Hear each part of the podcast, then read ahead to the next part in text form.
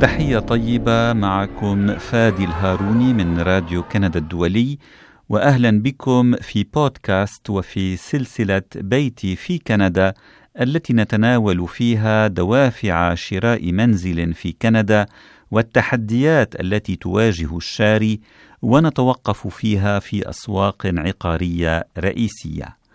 وضيفتي اليوم هي السيدة غادة الريس وهي مستشارة رهن عقاري لدى مؤسسة Safebridge Mortgage Solutions في لندن أونتاريو.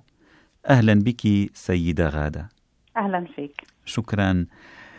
سيدة غادة من المعروف أن شراء منزل هو استثمار مالي كبير وقلة ضئيلة من الناس تستطيع تسديد ثمن المنزل دون الاستدانة. وبالتالي لا مفر من الاقتراض من المصرف مباشرة أو عن طريق مؤسسات تهتم بتوفير القروض العقارية كالتي تعملين فيها. بداية لو سمحت ما هي أنواع الفائدة المتوفرة؟ نسمع بشكل رئيسي عن الفائدة الثابتة والفائدة المتغيرة، هل من سواهما أيضا وبما تمتاز كل منها؟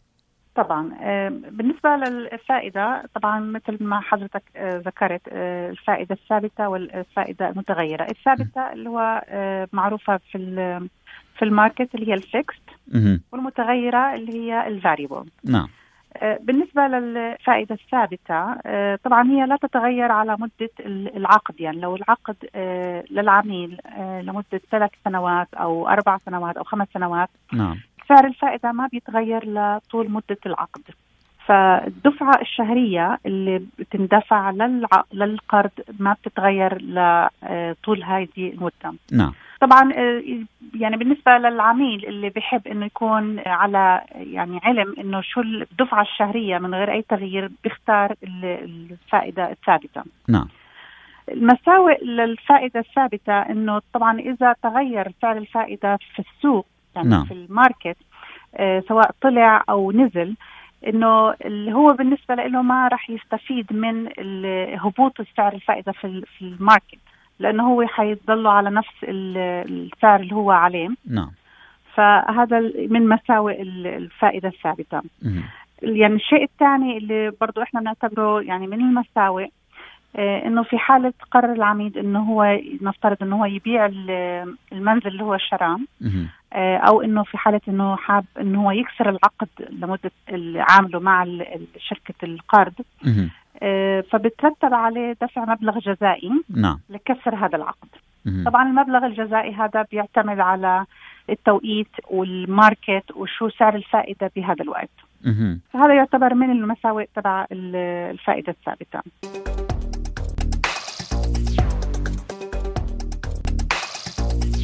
بالنسبة للفائدة الثانية اللي هي الفائدة المتغيرة اللي هي ال variable. نعم. طبعا هذه الفائدة بتتغير آه، حسب معدل الفائدة أجان في في السوق نعم. في ال market. طبعا.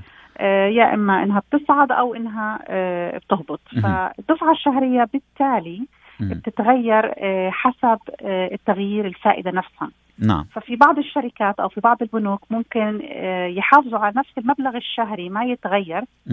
بس اللي آه، بصير إنه في آخر المدة يعني مثلا العميل يكون حاطط في يعني في الأرقام ال financial numbers آه، تبعته إنه مثلا آه، إنه أنا ال balance أو المجموع القرض حيكون مثلا في آخر الخمس سنين نفترض حيكون 200 ألف بسبب تغيير الفائدة إنها صعدت أو نزلت حيكون المبلغ هذا مختلف. وبعض الشركات بيغيروا المبلغ الشهري أو الدفعة الشهرية حسب تغيير الفائدة. فطبعا هذا الشيء بيعتمد على هو مع أي شركة أو مع أي بنك أو مع أي آه يعني مؤسسة. لندر هو مؤسسة بالضبط آه هو معهم. والفائدة نعم تفضلي. آه، والفائدة من برضه اللي هي الفائدة المتغيرة إنه لو بده هو يكسر العقد أو إنه يبيع البيت الشرط الجزائي أو المبلغ الجزائي اللي بده يدفعه دائما بيكون عبارة عن ثلاث شهور آه، فائدة فقط. نعم. لكن طبعا غير يعني الفائدة الثابتة بتعتمد على آه، الماركة بتعتمد على التوقيت. لكن في آه، في الفائدة المتغيرة دائما بتكون ثلاث شهور فائدة. هذا بالنسبة للغرامة. هذا بالنسبة للغرامة. بالضبط. وسعر الفائدة المتغيرة مرتبط بقرارات المصرف المركزي بشأن معدل الفائدة الأساسي أليس كذلك؟ صحيح. صحيح. فلما المركزي الأساسي يغير اللي إحنا بنسميه ال prime rate نعم. آه، فال prime rate لما بيتغير بيتغير عادة آه، سعر الفائدة المتغيرة.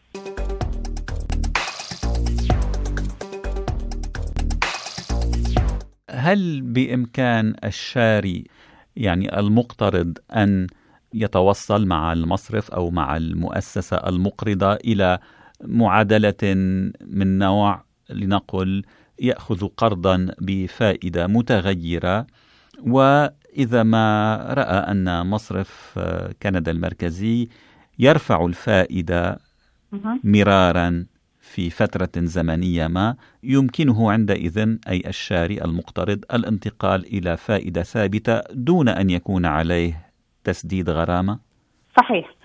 آه اللي عنده آه فائدة متغيرة بيقدر يغيرها لفائدة ثابتة في أي وقت.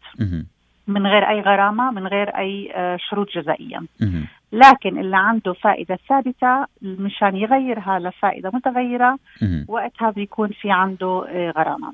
نعم فهذه طبعا تعتبر من المساوئ للفائدة الثابتة بعكس الفائدة المتغيرة إنه آه، يعني في تغييرات أسهل بالنسبة للفائدة المتغيرة.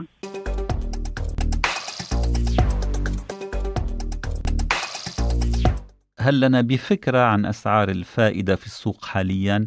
يعني الفائدة المتغيرة والفائدة الثابتة أنا ألقيت نظرة ولم أجد فارقا كبيرا بين سعر الفائدة المتغيرة وسعر الفائدة الثابتة لمدة خمس سنوات. صحيح. آه، في الوقت الحالي يعني نسبة الفائدة كثير متقاربة.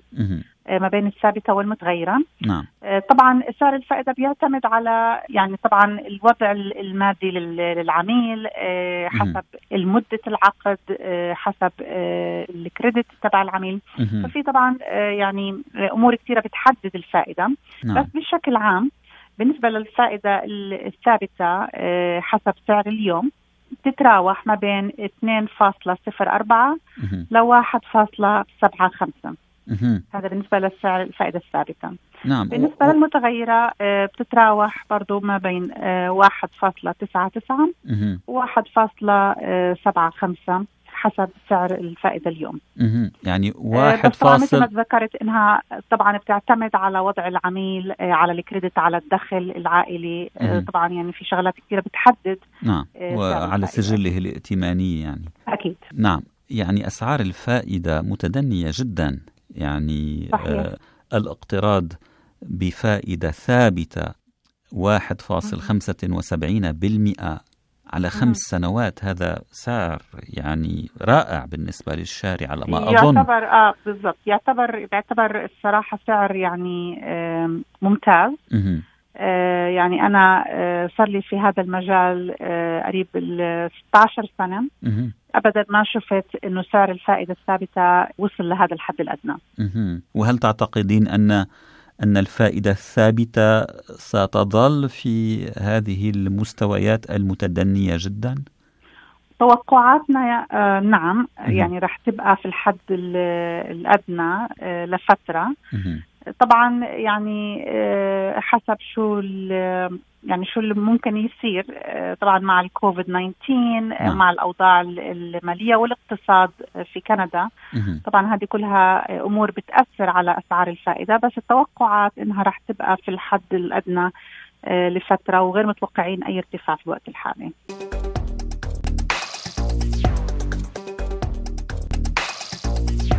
من المعروف أنه كلما طالت مدة القرض كلما ارتفعت في نهاية المطاف قيمة الفوائد التي يسددها الزبون أو العميل للمؤسسة المقرضة. صحيح. هل لنا بمقارنة مثلا بين ما يدفعه الزبون من فوائد إذا ما قسط قرضا لنقل بقيمة ربع مليون دولار على خمس عشرة سنة وإذا ما قسطه على خمس وعشرين سنة وبسعر الفائدة نفسه طبعا. أكيد. طبعا الفرق يعني حيكون شيء واضح. فأنا على 250 ألف لو افترضنا أنه القرض اللي ماخذه العميل على نسبة 1.99% سعر الفائدة. نعم فائدة ثابتة آه نعم. يا بالضبط. على دفعة شهرية نعم. مانثلي بس للسهولة. نعم. لو إحنا افترضنا إنه هو عامل مدة العقد على 25 سنة الدفعة الشهرية ما بين طبعا الدفعة الشهرية تتكون من اللي إحنا بنسميه principal و interest اللي هو ال principal اللي هو المبلغ اللي بروح طبعا من قيمة البيت نعم. وال interest اللي هو سعر المبلغ الفائدة اللي بندفع على القيمة. نعم. الدفعة الشهرية لو افترضنا على 250 ألف على 25 سنة آه رح تكون آه بحدود الألف وفاصلة صفر خمسة سبعة سو ألف وسبعة وخمسين فاصلة ثلاثة أربعة. ألف وسبعة وخمسون دولارا مضبوط هيدا على ال 25 سنة. نعم. في حالة ال 15 سنة. الدفعة الشهرية حتكون آه 1606 فاصلة ستة ثمانية يعني 1606 مهم. هذه الدفعة الشهرية على ال 15 سنة. طبعا في فرق واضح بالدفعة بمبلغ الدفعة الشهرية. طبعا. بس في نهاية ال 15 سنة مهم. لو بدنا نقارنها بال 25 سنة هو حيكون وفر مهم. من قيمة الانترست اللي هو بدفعها ومن قيمة البيت 28024 دولار. وهذا طبعا هذا مبلغ يعني آه يعني مبلغ مش بسيط. طبعا. إذا الواحد عنده القدرة إنه إنه يعمل دفعة شهرية بمبلغ أعلى. وهذا إذا ما ظلت الفائدة متدنية جدا كما هي الآن. وإذا ما ارتفع سعر الفائدة سيكون الفارق أكبر. صحيح. مهم. يعني أنا المقارنة هذه نحن عملناها على خمس آه، سنوات. نعم. المبلغ المتبقي بعد آه، خمس سنوات على ال 25 سنة حيكون آه، 209380 في حالة إنه عمل المورجج على 15 سنة. المبلغ المتبقي حيكون 174767 مهم. هذا بعد فترة خمس سنوات خمس سنوات نعم طبعا الفرق واضح ما بين ال 15 سنة وال 25 سنة. وطبعا الفرق واضح بالدفعة الشهرية أكيد طبعا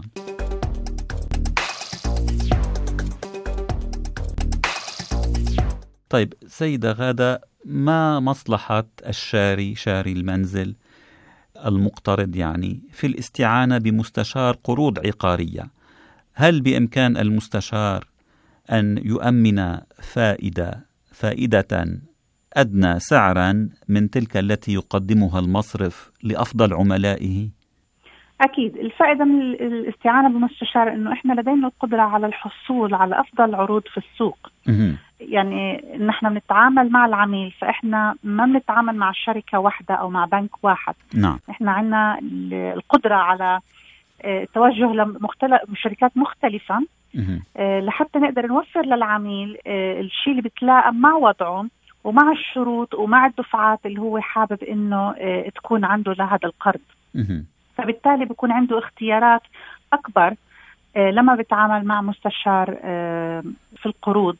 يعني لو بدنا نقارنها بموظف في البنك نعم. موظف في البنك بس بتعامل آه، بالقوانين تبعت البنك اللي هو ملتزم فيها. وطبعا هو بكون يعني موظف البنك بتعامل بالقروض العقارية بت- بتعامل بالاستثمارات بتعامل بالحسابات. فما بيكون التركيز على آه، على هذا الشيء فقط يعني ما بيكون. تركيزه على القروض العقارية. لكن بالنسبة لنا إحنا هذا هو تركيزنا فإحنا نعم. بكون عندنا القدرة على. اختيار الأفضل آه، للعميل سواء بالنسبة للأسعار الفائدة أو بالنسبة لشروط ال- القرض أو التسهيلات من الشركات المختلفة. سيدة غادة الريس مستشارة الرهن العقاري لدى مؤسسة Safebridge Mortgage Solutions في لندن أونتاريو. شكرا جزيلا لهذا الحديث ولهذه الشروحات. شكرا لك كثير أستاذ فادي وشكرا. لاستضافتي آه، وإن شاء الله آه، يكون ال- الشيء اللي حكينا فيه آه، فيه فائدة للناس إن شاء الله بإذن الله. شكرا بالتأكيد. و- وشكرا جزيلا على استضافتي مرة ثانية. العفو. شكرا لإصغائكم أعزائي المستمعين. كنتم مع فادي الهاروني في سلسلة بودكاست بيتي في كندا من راديو كندا الدولي.